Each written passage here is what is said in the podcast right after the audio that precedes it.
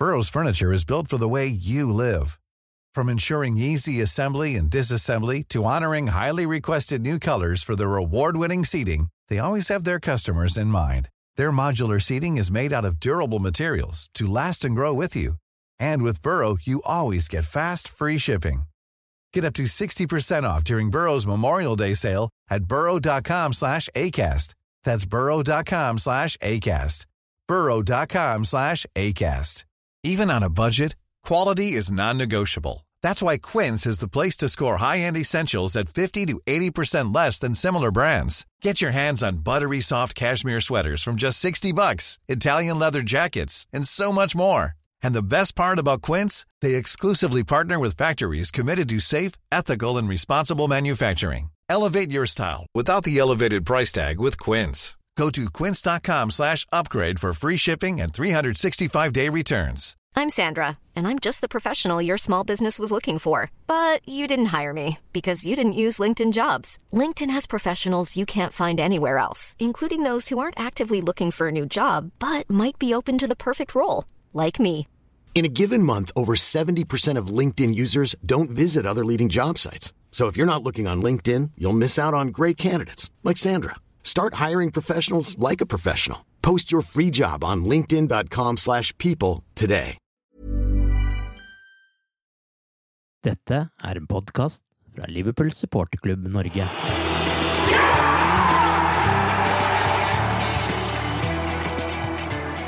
The biggest game in football er det blitt kalt. Møtene mellom erkerivalene Liverpool og Manchester United er den kampen som anslagsvis samler flest mennesker foran TV-skjermen på verdensbasis. Siden det første møtet i 1894 har Manchester United vunnet 80 ganger, Liverpool har vunnet 65 ganger. Og tar man bort Charity Shield, står begge med 45 trofeer i samlingen. Ligagullet har havnet i Manchester 20 ganger, i Liverpool har det blitt 18. Og når de to lagene møtes søndag, er Liverpool serieleder 16 poeng foran Manchester United. Det er erkerivaldag i denne 22. episoden av The Cop-Out-podkasten. Tore Hansen og Torbjørn Flatin er med i dag, og i tillegg skal vi høre fra vår Liverpool-korrespondent Mari Lunde. Førsteplass mot sjetteplass. Er dette fortsatt sesongens viktigste kamp å vinne, Torbjørn? Definitivt. For meg, i hvert fall. Eh, Det, det, det, liksom noe, det betyr noe mer. Det er eh, rivalisering, og det er eh, eh, tradisjoner.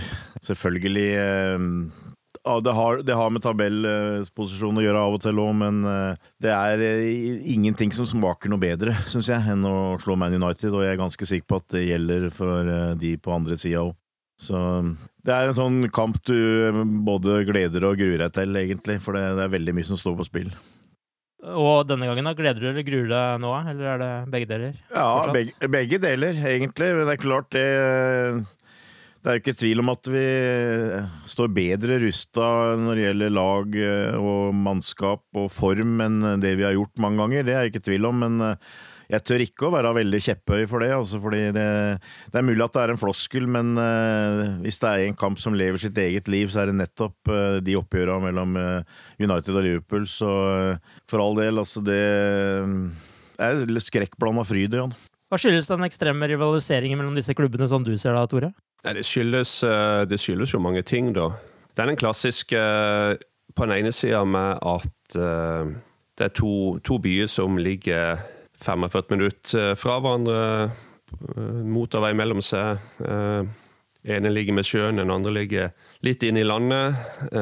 Det er historiske stridigheter med skipskanal som ble bygd for å ta båter fra havna i Leopold inn til sentrum av Manchester, hvor eh, varer fra Afrika og USA ble eh, omgjort til klær og andre ting som en eh, kunne videreselge. Så det er gammel rivalisering. Det er, det er to byer med egentlig ganske lik bakgrunn, historie, lik type folk som bor der. Men eh, altså det, er en, det er byer dominert av en arbeiderklasse. Det er fotball, det er musikk.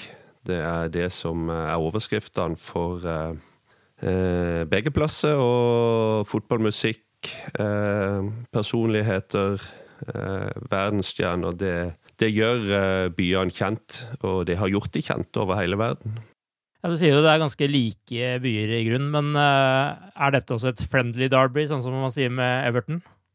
Nei, Nei. eh, det, det, det vil jeg absolutt ikke si. Eh, Det er, det er noe helt annet.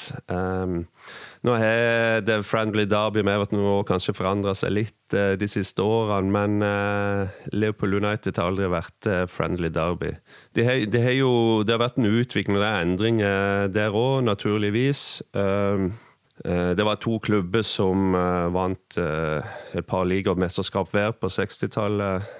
Eh, Så, så tok Liverpool eh, fullstendig over utover 70-tallet, 80-tallet. Og så, som vi vet, så har eh, United eh, slått tilbake de siste par tiårene. Men uh, rivaliseringa har eh, dessverre òg blitt veldig uh, overskygga av de to ulykkene lagene eh, har vært involvert i. Da tenker jeg på Hillsborough og, og München. Og det, det er kanskje det som er på mange måter det verste med når de to lagene eh, møtes, at eh, dessverre så, så bringer det fram det verste i folk eh, altfor ofte. Men eh, lite trøbbel for all del eh, de siste årene, de siste 10-15 årene. Men eh, du hører synging som eh, helt klart en ikke, helst ikke skulle ha hørt. Da. Du skrek også nei her, eh, Torbjørn, på om det er et friendly derby. Hva betyr dette derby, eh, som du ser det? Nei, altså eh, Jeg føler jo en del av oss som f.eks. har vært på bortekamper eh, på de kampene der, og eh, reist med kan si, med supporterbusser eller tog og sånt, og har vel nok av og til eh, bokstavelig talt fått føle på kroppen at eh, det er en, veldig sånn eh, tøff og fiendtlig atmosfære, egentlig. Nå har du vel kanskje fått uh, det mye sjakk, syns jeg, de siste åra. Så bare for å legge til litt av det Tore sa også, så tror jeg også jeg føler at eh, folk i Liverpool uh, har en oppfattelse av at uh, øvrigheta i London også favoriserer Manchester. Uh, hovedstadspressen uh, liker å ha United som sin uh, liksom kjæ- kjære Hva skal jeg si den, den de virkelig liksom eh, eh, setter pris på, som er en liten kjæledegge, egentlig. Eh, Det tror jeg i hvert fall spesielt gjorde seg gjeldende når Liverpool begynte å dominere på slutten av 70-tallet og 80-tallet. Eh, At Liverpool ikke da fikk den honnøren den fortjente. Og siden så har eh, det ene liksom eh, lagt seg på det andre. Så det som kanskje var den største rivalen i Everton, det, det er i hvert fall ikke sånn nå, føler jeg, eh, blant de aller fleste. Så det er, det er som sagt veldig, veldig mange ting, men eh, jeg, jeg tror jeg, Liverpool mot Manchester United jeg, jeg føler fortsatt det er den eh, største kampen i engelsk fotball. Ja, og jeg syns, jeg, også det at eh, med, med media, det, det fokuset media har i dag på, på sånne typer oppgjør, så, så vil jeg jo si at de, de, de ti siste årene, eller kanskje mer, så er det bare spissa seg eh, enda mer til, altså. Ja, men har det endra seg noe altså fra når Liverpool dominerte, og så hadde da Manchester United sin dominans? eh, Har den rivaliseringa ligget like hardt hele veien, eller har det endret seg noe de siste årene? Du var jo litt inne på de siste ti årene her, men eh, når var det på en måte dette oppgjøret tok over for eh, Everton-oppgjøret som den aller største Derby-kampen, hvis man skal kalle det det? Ja, det er litt vanskelig å si. Altså, jeg begynte å reise fast over uh, tidlig på 80-tallet. Og uh, jeg blei litt sjokkert, egentlig, uh, hvor giftig på en måte stemninga var blant Liverpool-fansen i forhold til Manchester United, og helt sikkert andre veien. Eh, jeg oppfatta det jo før jeg reiste fra Norge, for å si det sånn, som at Everton var jo rivalen. Eh, men det var det ikke. Eh, akkurat om det har når, jeg fikk en, fikk en følelse av at det var noe som var relativt nytt, tross alt. Eh, at Everton hadde på en måte vært den store rivalen, men at forskjellige årsaker hadde gjort at det var liksom Det blei politikk, eh, det blei eh, Manchester mot Liverpool, eh, ikke bare fotballen.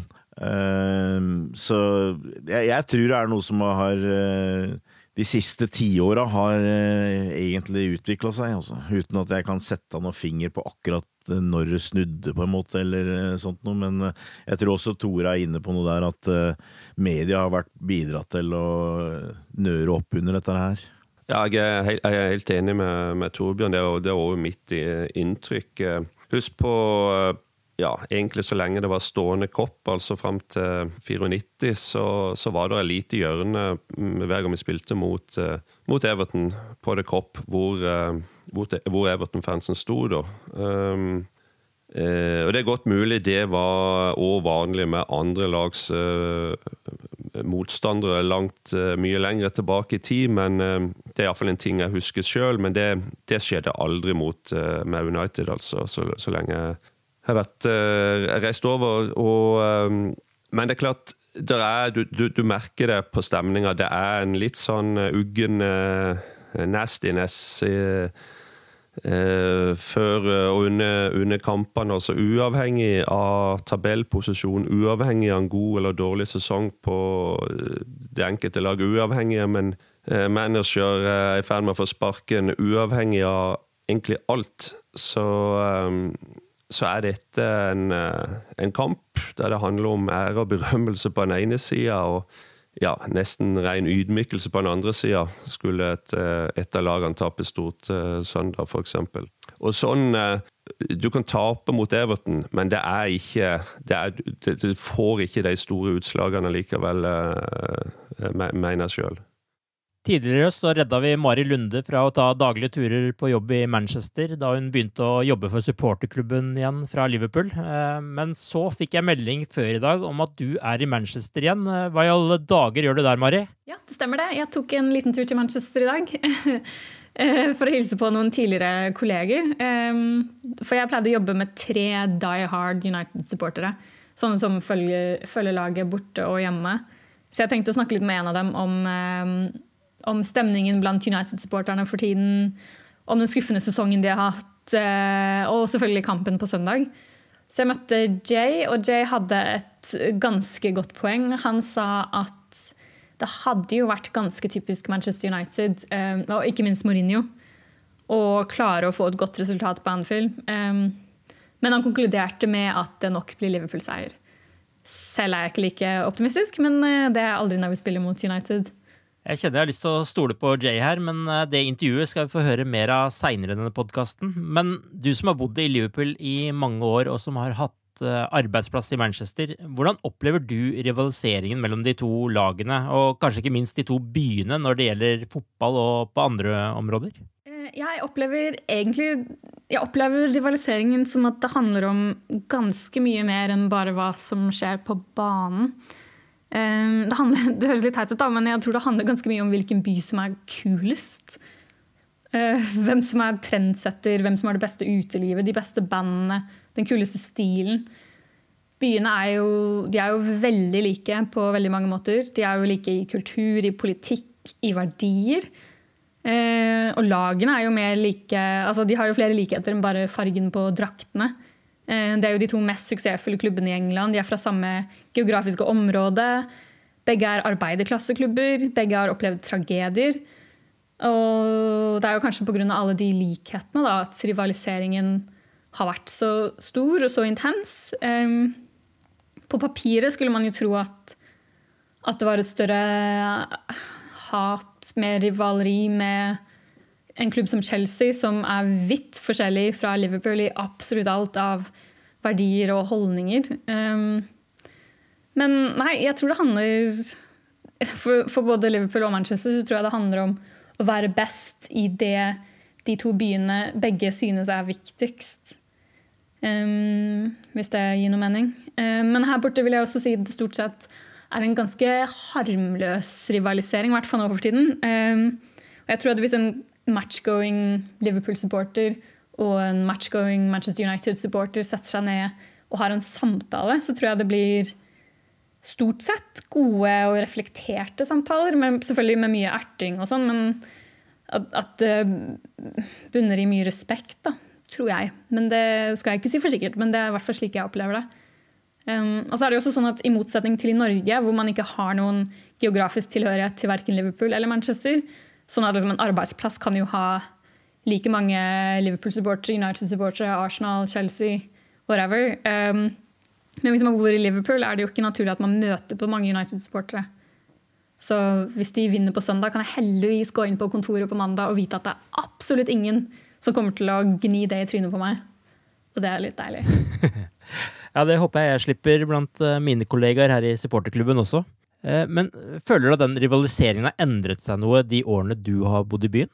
Um, ja, jeg syns det har endret seg litt. Eh, da Ferguson fortsatt var i klubben, så syns jeg det var en større rivalisering. eller mer hat for altså, All respekt for Alex Ferguson, men han kunne jo være en skikkelig nevemagnet.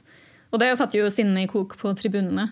Um, jeg husker da John Shelby ble utvist og ga Ferguson fingeren og slengte med leppa mot han. Da tror jeg det var ganske mange Liverpool-supportere som nøt det. Og det gjorde i hvert fall jeg. Uh, og det er jo ikke lenge siden, men det var jo helt på tampen av Fergusons tid. Um, så etter han dro, syns jeg det har blitt ganske mye tammere. Og det har jo mye med at lag, tipper jeg da, har mye med at lagene har konkurrert på så forskjellige nivåer de siste årene. Og denne sesongen hvor United de ligger jo så langt bak. Altså, det hadde jo blitt mye mer hett og hissig nå på søndag hvis de befant seg i tittelkampen. Så jeg savner den temperaturen litt. Men det er jo fortsatt tendenser til amper stemning. Det, det, så man jo på Old Trafford da de møttes i Europaligaen. Um, så ja, det er jo ikke bra med bråk, men uh, det er jo et oppgjør som fortjener litt temperatur, så den håper jeg ikke forsvinner.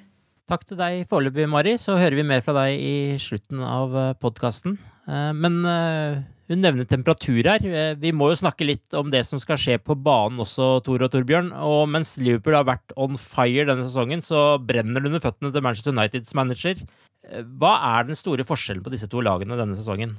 Ja, det Jeg har ikke sett veldig mye på United. men altså vi prata litt om det her i går, enkelte. At uh, United hadde jo bytta ut åtte spillere til en kamp mot Valencia, men uh, det var allikevel dem som oppfatta det som førstelaget, holdt jeg på å si. Altså det, jeg syns Mourinho har slitt veldig med å få satt et lag. Uh, det funker veldig dårlig egentlig i alle lagdeler, holdt jeg på å si. Jeg, jeg, så et program på Sky her nylig med Gary Neville og Jamie Carragher hvor de skulle sette opp sitt kombinerte lag av de spillerne som er nå. Eh, og for å være ærlig, til og med Gary Neville sleit veldig med å få inn Manchester United-spillere på det laget. Eh, de var i grunnen enige om at De Gea kanskje kunne bli valgt i mål. Bortsett fra det så hadde de egentlig ingen, men de satte inn en, eh, en i hver lagdel likevel, liksom. Eh, så eh, jeg, jeg, føler jo at kanskje den største forskjellen er at det er Liverpool som nå har matchvinnerne. Mens du kanskje har følt en del tidligere at United som totalt som lag kanskje ikke har vært noe særlig bedre, men at de har hatt folk som har kunnet avgjøre kamper. Nå syns jeg absolutt at det er Liverpool som eh, har de største profilene eh, ut fra det som har blitt vist så langt denne sesongen. Og det er jo ganske ekstremt. da. Én ting er at de er 16 poeng bak. Eh, det andre er jo at hvis ikke jeg tar helt feil, så har vi United ja, Når vi ikke har negativ målforskjell, så er den i hvert fall ikke veldig god. De hadde i hvert fall negativ målforskjell nå inntil nylig, så det er jo ganske ekstremt da, for en klubb som, du, som sikkert forventer at de skal være med i hvert fall i topp fire. Ja, det er ingen tvil om at uh, United har presset på seg. Presset på seg i forhold til hvordan sesongen har utvikla seg. Liverpool er top of the league.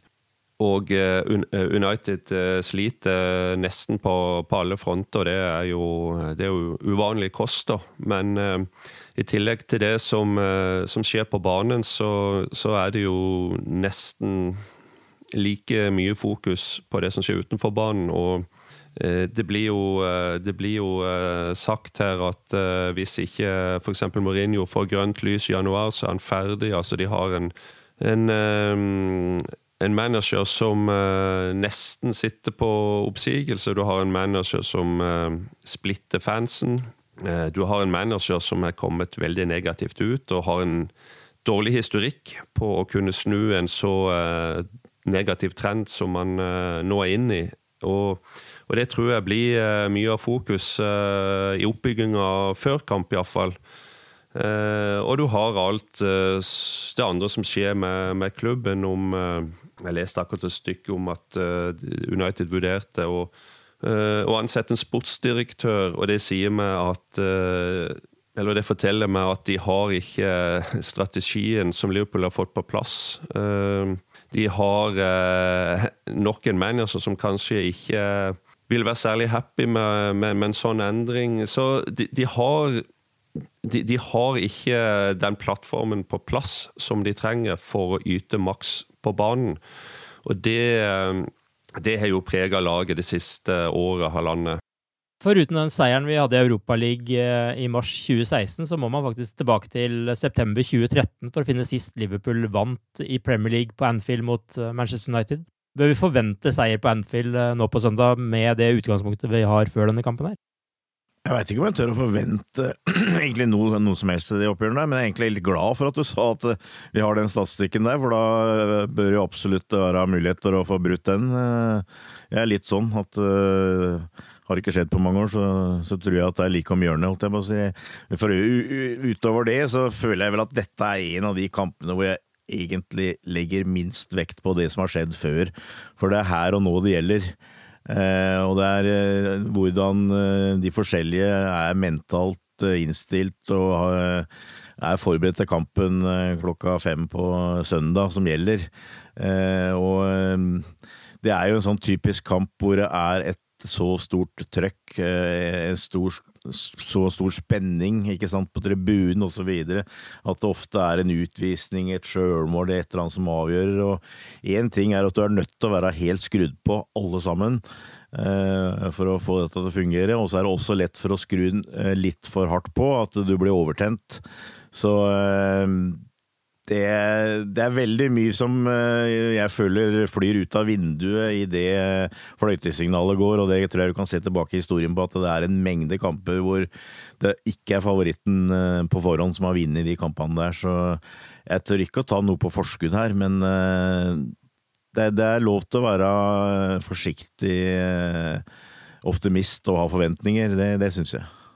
De kampene her eh, Altså, det å være fotballsupporter, en skal gjennom mye. Og, eh, og det er litt som Nick Hornby skrev for mange år siden i den berømte boka si, at straks en har vunnet kamp, så gruer en seg til neste. Det er liksom ikke noe mm -hmm. Det er ikke mange hvileskjær. Nå er jeg litt mer optimist. Eh, enn uh, en på lenge, men det er, det er definitivt en kamp jeg liker å bare sitte for meg sjøl, lukke igjen døra og bare ta det som kommer, uten å jeg, jeg, kan, jeg, kan, ikke Hvis ikke jeg går på disse kampene sjøl, så orker jeg ikke å gå på pub eller ha uh, brysomme folk rundt meg, altså. For, for det, dette uh, jeg, jeg, kjenner meg sjøl så godt at jeg vil heller sitte og surmule alene enn å enn å ha uh, pubfolk rundt meg hvis jeg skulle gå på, på ræva. Men for all del, jeg er optimist. Jeg gleder, jeg, jeg, gleder, meg nesten til hver kamp denne sesongen, og det er uvanlig. Rett og slett for vi, vi, har så mye bra på gang, og vi har hatt det en god stund. og jeg syns òg Jørgen nå, ja, spesielt de siste to kampene har òg klart å, å, på en måte skru sammen et lag som uh, står til kampen, og det, det, er jo det jeg håper skjer uh, søndag òg. Uh, folk vil være up for it for all del, og, og sånt. og, og ikke minst United. De, de, har jo vært gjennom mye denne sesongen, og skulle de tape nå, så kan det fort rase ut for, for noen og enhver. Jeg hadde jo egentlig tenkt å komme med noen venner på søndag klokka 17, men da er jeg ikke velkommen hos deg da, altså. Eh, jeg har en etasje nede òg, så eh, sofaen er ledig. Takk. Da prøver vi det. Men dette er jo to lag som har mange skader også før dette møtet her. Onsdag så spilte Manchester United mot Valencia, og Mourinho måtte sette inn Ashley Young, Marcus Rashford og Jesse Lingard eh, i andre omgang for å prøve å redde inn et uh, resultat. Han sa i etterkant at uh, det var tre spillere han overhodet ikke hadde tenkt å bruke den kampen, og bekreftet i etterkant at de tre også skal starte nå i neste kamp. Men de har jo en lang skaderekke. For Klopps del så er det den store utfordringen hvordan han skal løse forsvaret, der både Joe Gomez og Matip er ute på, ut på nyåret, og Trent Alexander Arnor også er høyst usikker. Uh, hva tenker dere han bør gjøre der for å få satt en forsvarsfirer mot Manchester United? Nå har han vel uh, først og fremst uh, Må han først og fremst få tak i få finne fire stykker, holdt jeg på å si. Ja.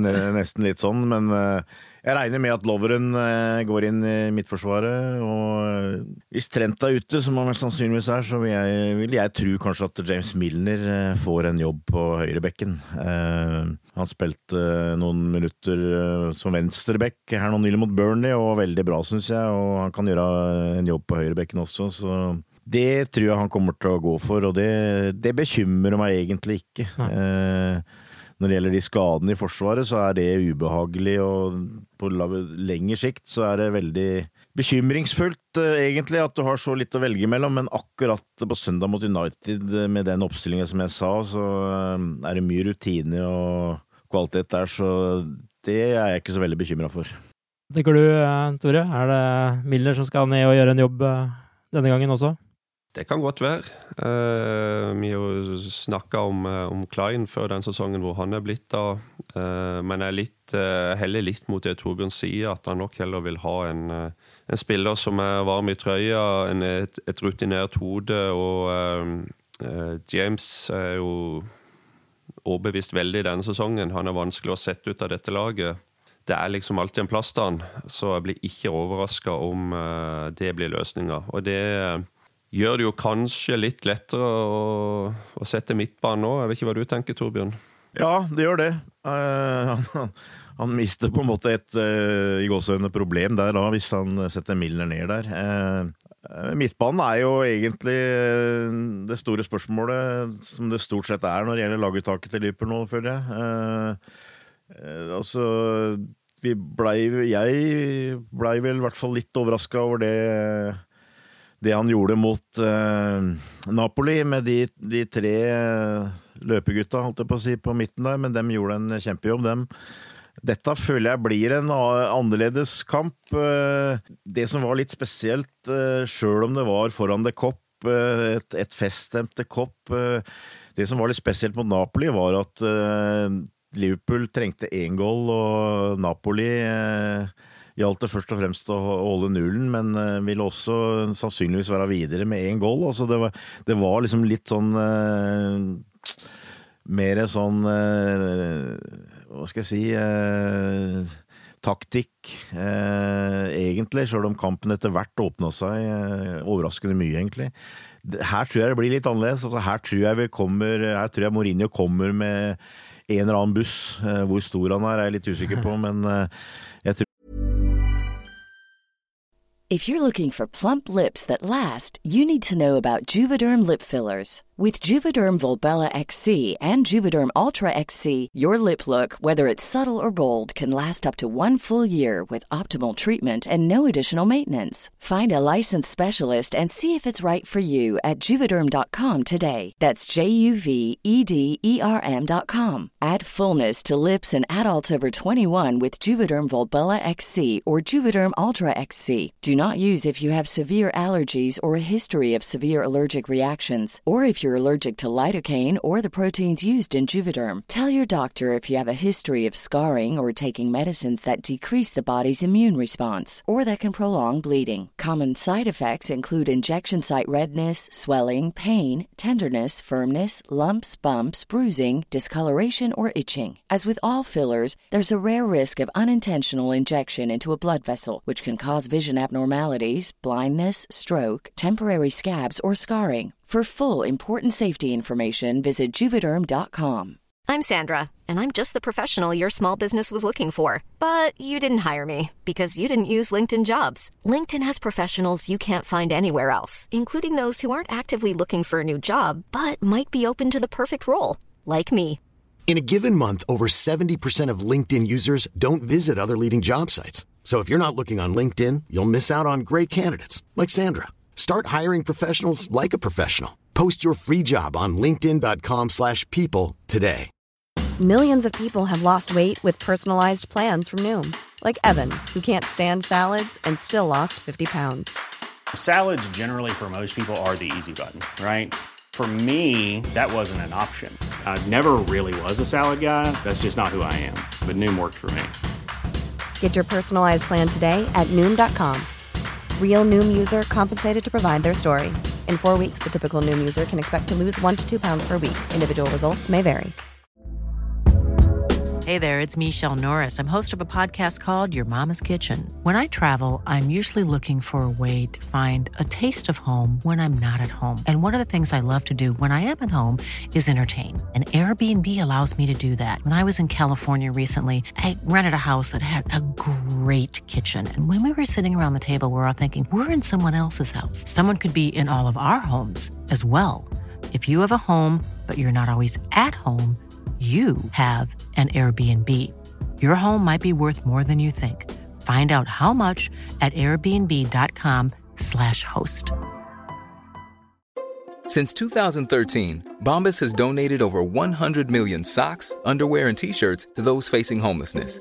If we counted those on air, this ad would last over 1,157 days. But if we counted the time it takes to make a donation possible, it would take just a few clicks. Because every time you make a purchase, Bombas donates an item to someone who needs it.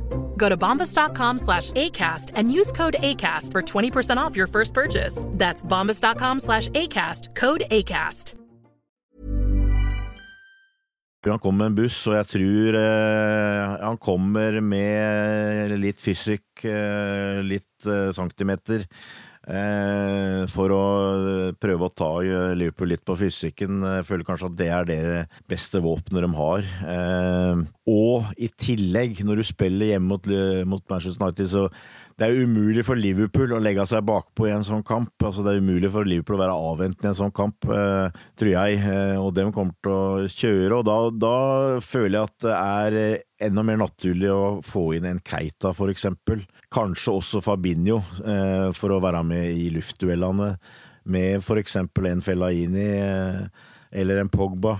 Eh, så derfor så tror jeg ikke at de tre hadde starta uansett, eh, men eh, hvis da Milner i tillegg går ned på bekken, så eh, ser jeg for meg at det i hvert fall blir et par forandringer til. At sannsynligvis Fabinho og Keita kommer inn der, og det er jo også et argument for å bruke Shakiri en rolle her, så det blir nok litt forandringer på midten, tror jeg belastningen foran Napoli-kampen òg vil jo være et hensyn han må, må ta her. Hva, hva, tror du, Tor, i forhold til midtbanen? Nei, jeg er nesten gitt opp å, å ta den ut på forhånd. Eh, det er nesten sånn jeg tror at eh, Eller mistenker godeste herr Klopp for å med, å involvere dagsform. Det er nesten på det nivået. Men Eh, men seriøst, han, selvfølgelig, han tar ut en, en, midtbane, han tar ut et lag basert på, på motstander og hva han tror eh,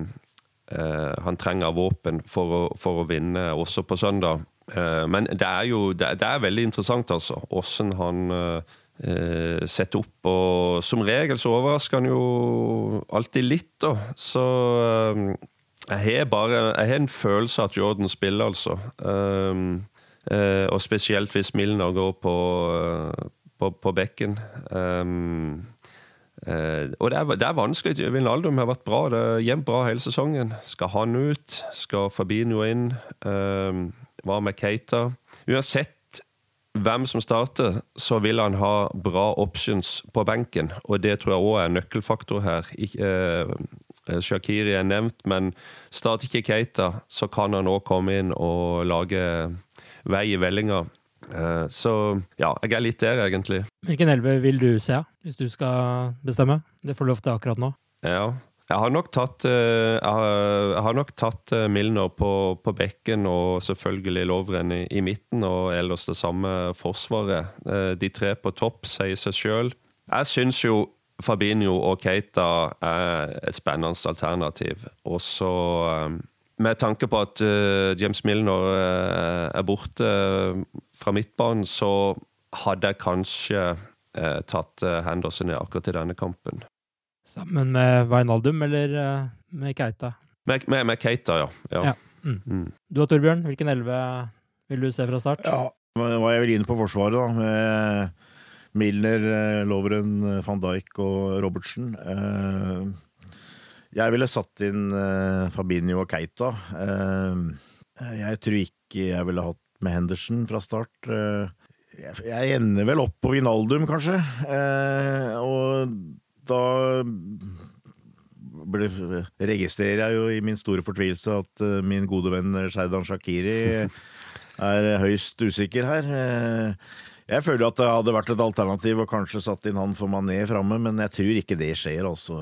Så det blir vel de tre eh, vanlige, holdt jeg på å si, som blir framme der. Men eh, sjakk er en nøkkelperson, da i hvert fall fra benken. Men eh, hvis jeg, hvis jeg ofrer han, så, eh, så blir det Fabinho eh, som anker og eh, Vinaldum, Keita indreløpere og da Salah som, og Mané på hver side av Firminio framme. Når du nevner Firminio, han øh, viste jo de gamle, gode takter av gegenpressen øh, her på, mot Napoli, men touchet hans sitter vel ikke helt ennå. Er han på en måte litt sånn i fare for å bli bytta ut nå, eller syns dere han fortsatt holder øh, såpass høy klasse at han bør starte hver eneste kamp? Ja, jeg, jeg, jeg, er litt sånn at jeg føler at han er litt på grensen. Altså, Klopp eh, sa nylig eh, på et intervju her, det så jeg at eh, i utgangspunktet så ønska nok han å ha gegenpress eh, så ofte som mulig, men det var noen ganger du ikke kunne ha det.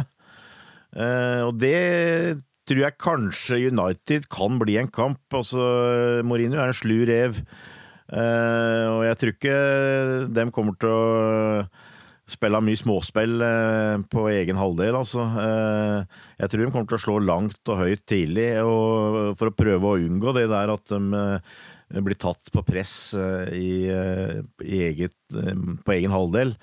Og det kan nok hende Jürgen tenke på for så vidt, men Hva var det du spurte om, Arven? Nå ble det helt borte. jeg husker ikke sjøl engang. Det er så lenge siden. Husker du det, Tore? du var iallfall inne på uh, Firmino, var det. Firmino og egenpress. Ja, ja, ja, ja, sorry, sorry. sorry. Uh, nei, altså, jeg føler jo han uh, absolutt Altså han er, han er, veldig viktig i sånne kamper som var på onsdag mot Napoli, hvor han er førsteforsvarer. Jeg er litt usikker på åssen det blir mot United, for der tror jeg som sagt ikke det er så lett å få den rollen. Eh, men eh, Nei, jeg syns ikke eh, For meg behøver han ikke å være noe klippekort. Altså, jeg syns absolutt, og spesielt nå når vi har Shakiri også vi kan bytte inn på, så, så jeg syns jeg også han kan tåle å sitte på benken i en annen kamp. Hva syns du om det, Tore? Jeg tror han spiller Vi, vi snakker fortsatt søndag. om Firmino, forresten. Ja, takk. Eh, jeg tror han spiller søndag, men eh, helt klart vi har eh, Den sesongen så har vi alternativet, og Men det kommer nok av kamper utover desember, så jeg tror heller han blir spart i Eller hvilt i, i, i andre kamper enn på søndag. Men jeg er også veldig sitter og tenker litt på altså Iallfall de par siste kampene med Liverpool United på, på Anfield, så har det vært veldig veldig sånn halvslapt og sjakk, sjakktrekkamp. Lite mål, lite fart. Um, lite av det som klubbene egentlig tradisjonelt er kjent for. Og um, så jeg, det er jeg spent på. Utgangen, hvem som tør å åpne seg, hvem som uh, noen, tør å ta noen sjanser framover. Og uh, jeg syns også å merke det på, på Jørgen Klopp at uh, han enser selvfølgelig uh, at dette, dette, er kamper som betyr, noe mer, som, som har en ja, så Begge klubbene har en, en worldwide fanbase. Begge klubbene er store i, i, i Norge. I Irland. Norge og Irland er jo liksom to støttepilarer til begge klubbene. Og Liverpool FC er selvfølgelig størst eh, her hjemme. Det, det vet vi jo. Det, vi setter jo stadig nye rekorder. og Senest nå i dag, med 44 500 medlemmer i, i supporterklubben vår. Så eh, det, det, er en, det er en Det er et klubb Det er en klubbkamp som er en av de aller, aller, aller største uh, i, i, hele verden. Det, og det, det, det vil merke oppbygginga nå på lørdag og søndag, og kickoff og alt som skjer under kamp, alt som skjer etter kamp. Det, det er stort. Ja, altså det er jo Igjen så kan det fort bli en eh, Kall det tilfeldighet som kan prege den kampen her. En dommeravgjørelse, for eksempel. Ikke sant? Straffespark, et eller annet. Men eh, det kan også bli en kamp hvor, hvor, du er nødt til å være tålmodig igjen. Eh, hvor eh, United eh, kommer til å spille som en antyda eh, Først og fremst satse på å ødelegge for Liverpool. og og det blir vanskelig å skape noe, og det blir vanskelig å presse. Eh, og kanskje også Klopp eh, tenker litt sånn at vi, vi, skal ikke ta for stor sjanse. Men jeg, jeg, tror, jeg, tror, på en måte atmosfæren på stadion gjør at det, det, allikevel kommer til å være Liverpool som kommer til å trøkke mest. Altså. Eh, det Kopp kommer til å forlange det. Eh, og så, så, blir det spennende å se hvor mye de greier å, å lage plunder for, for United. Eh, så eh, det, det, blir eh, og sikkert litt dramatisk, holdt jeg på å si, men eh, jeg, jeg, tror eh, og håper at Liverpool nå har de eh, matchvinnerne som skal til for å, å ta tre poeng her. Men hvordan er det? altså spille Mourinho for sin egen framtid her? Ja, det må man kunne si, altså. Jeg tror eh, jeg er litt usikker på hvor mye framtid han har uansett, men uh, det er klart, uh, hvis du skal prøve å snu en trend, hvis du skal prøve å få supporterne på din side, og du er Manchester United, så er det vel ingen bedre plass å gjøre det på enn Anfield og ta en seier der. Så det ligger i bånn her. Kanskje mer enn Eller definitivt mer enn tabellposisjon. Altså, jeg tror sjøl United har vel gitt opp på å kunne hamle opp med Liverpool i ligaen denne sesongen her, men, eh, men, det å vinne foran The Cop, eh, det vil uansett bety veldig mye, og ikke minst vil det bety mye for manageren, så det kommer helt sikkert til å bli lagt mye i denne kampen eh, fra Old Trafford. Ja, helt klart. Det er, dette er en kamp i kampen, og det er en kamp som Mourinho eh, uh, må eh, han, Altså, dette vet han om. Eh, det har vel vært iallfall minst én gang denne sesongen, i, i, høst, eh, hjemme mot Newcastle, hvor du følte at taper du taper, taper 2-0 her, så, så, er, så, stå, så, er, jobben hans på agendaen neste dag. ikke sant? Og det har, det har han vel kanskje vært allerede, men seier, så vet han hva han får. Han, han vet at han antagelig bli eh, i jobben noen uker til, noen måneder til, kanskje ut sesongen. Men eh, skulle de ryke 3-4-0 her, så vil det forverre alt som har skjedd her. Og det som er litt merkelig med, med Mourinho, syns jeg iallfall sjøl, er jo det at eh, han, han, har liksom hatt den uh, organiseringa uh, altså som styrke med defensiv organisering, og i høst så, så har det rent inn mål. De har sluppet inn flere mål enn uh,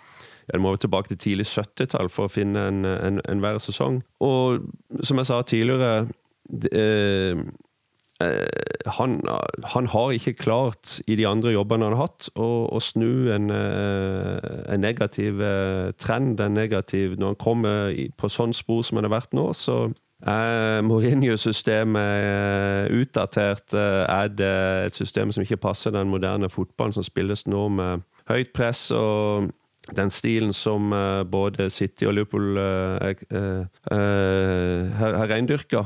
Vi får se. Det, det, er en av de fokusområdene jeg tipper som media er innstilt på både før og etter denne matchen.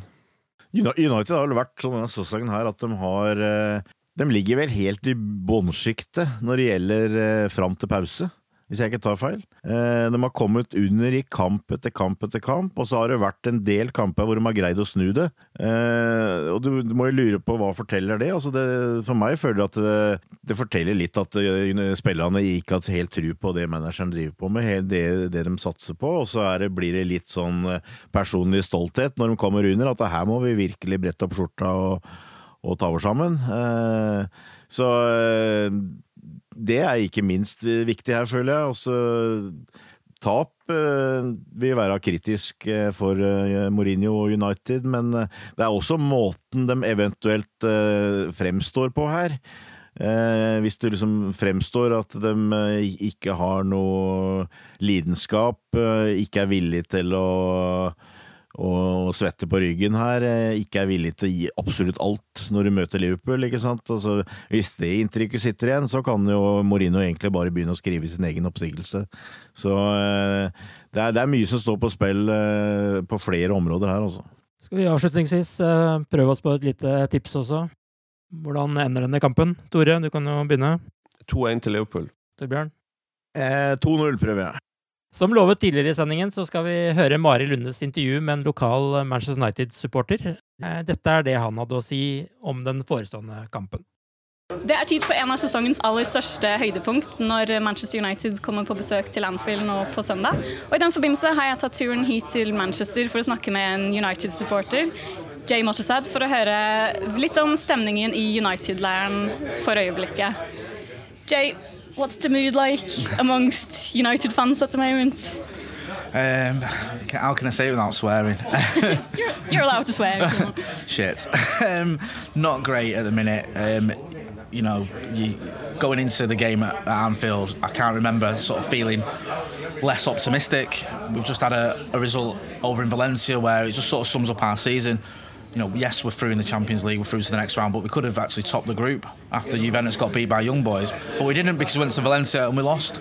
And that's been the story of our season. Every time we take a step forward, you know, we might get a good result. Say, for example, we went we win at Juventus, great result, totally unexpected, puts us in a great position to qualify in the Champions League, and then we go to the Etihad and just get torn apart. I know it was only 3 1, but it could have been a lot worse.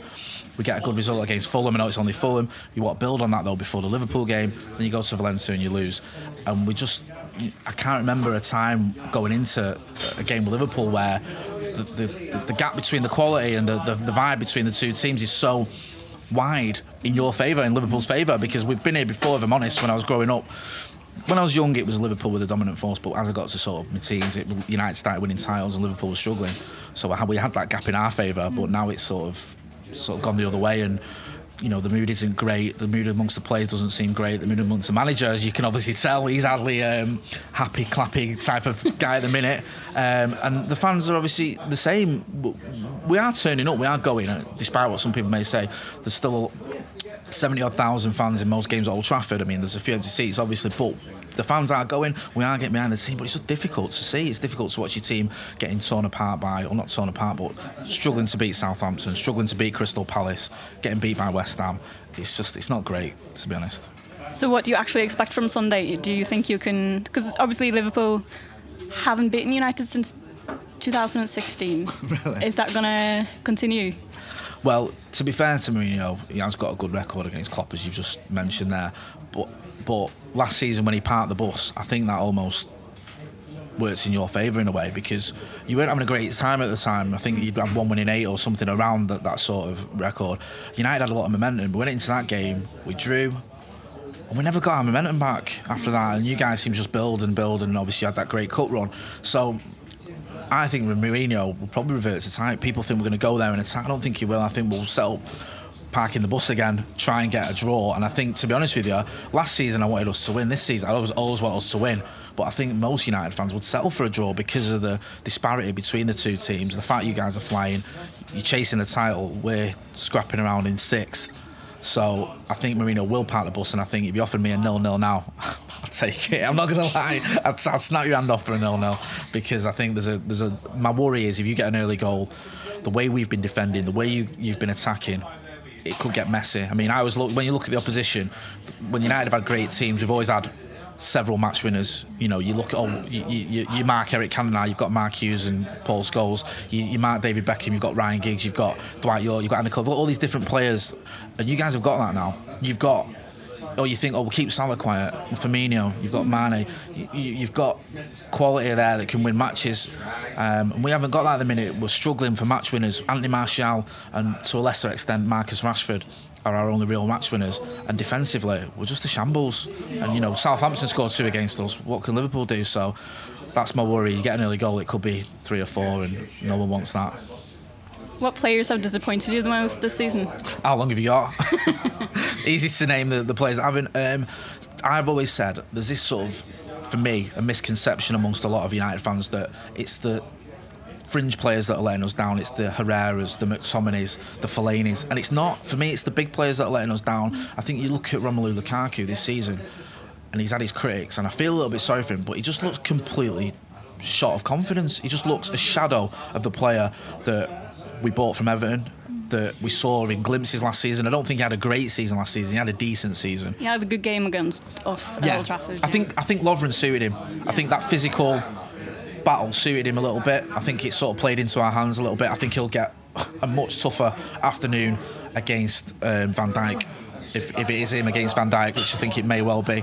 Um, but yeah, it's not been a great season for him. And obviously, the, the main man everyone talks about for a reason is Paul Pogba, or for the wrong reasons is Paul Pogba. Because I never thought I'd be sat here saying I don't expect Paul Pogba to start against Liverpool when he's fit and, and not suspended and I don't think he will. I think he, he'll, I think he'll probably start on the bench. He played a full game against Valencia, so I think Paul Pogba would probably be on the bench against Liverpool because he's a player that's not stepped up. He's not done what we expected him to do.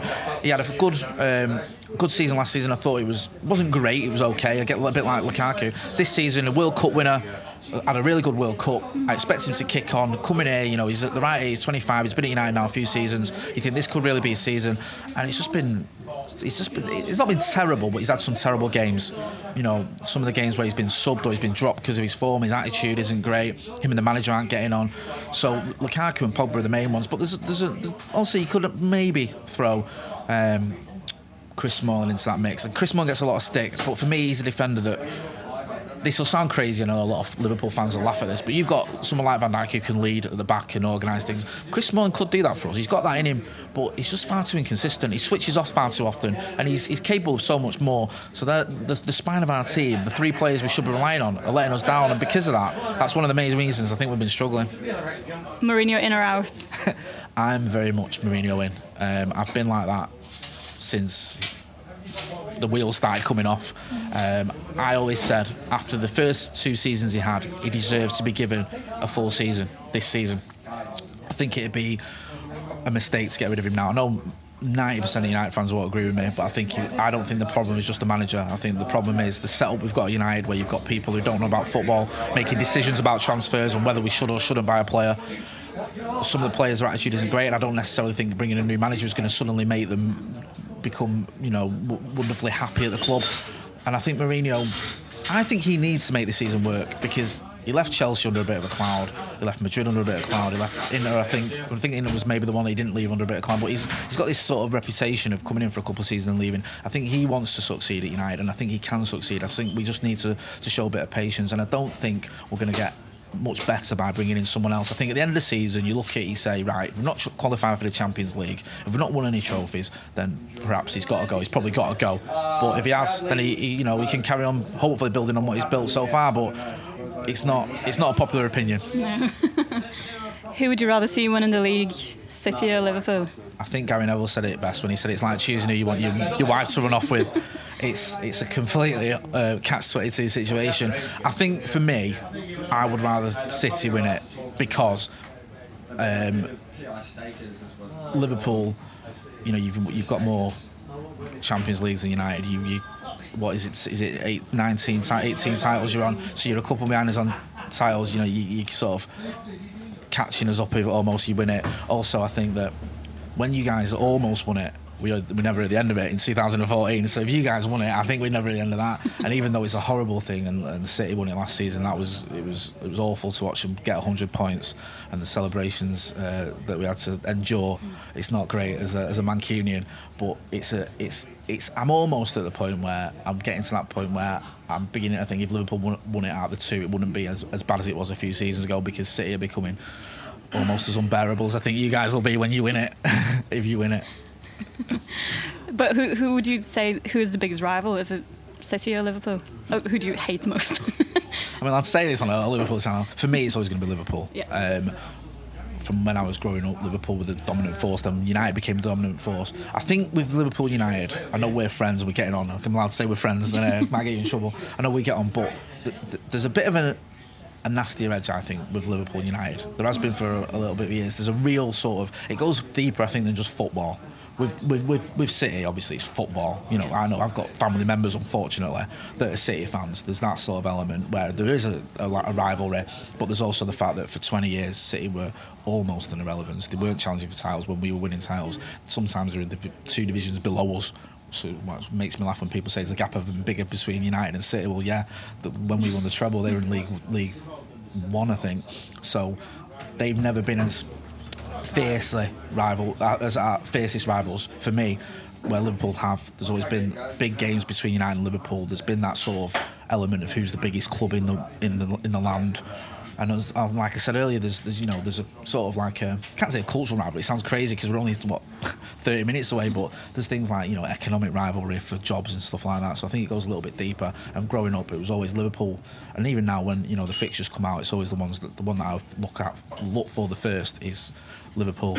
You know at Old Trafford at Anfield. So for me, it'll always be Liverpool. Well, it'll always be Liverpool. It is at the minute. The way City carrying on, it might change. Excuse me. Predictions for Sunday then? I had to, sorry. um, my my heart says it would be quite United and Mourinho to get some out of this. It really would. I think that we've always had that in him, and he's always had it in him of pulling a, a surprise result out of the bag. Um, so I'd love to say a smash and grab of parking the bus and uh, you know a 93rd minute Phil Jones header or something stupid that I'd settle for as long as it's in the right goal. Um, but I think I think we're going to struggle. And if I'm being honest, I can't see past a Liverpool win. I just can't, and it pains me to say that. I think it might be one 0 to Liverpool because I think what you might do is you'll get a, a you could get a goal or and then just sit back and we haven't uh, you know we haven't got the we're not playing well enough in the minute to, to do the damage that we should be. So I think it could be a closer game than, than perhaps some people think. But I think if I'm being honest, I, I think this is is looking like a nailed on Liverpool win at the minute. Pains me to say. I hope I'm wrong. I hope you you know I'm as wrong as I can be. But yeah, I've got to go for a Liverpool win. I really hope you're right. Thank you. Vi lar Manchester-røsten få siste ord i denne sendingen, men håper vi ler sist og best på søndag. Tusen takk til deg som har lyttet til oss. Følg oss gjerne på iTunes og Spotify. Etter en fantastisk start på desember gleder vi oss veldig til kamp på søndag, og måtte seiersrekken vare og vare og vare. Ha det bra så lenge. Ha det, ha det. Ha det bra, up to Reds.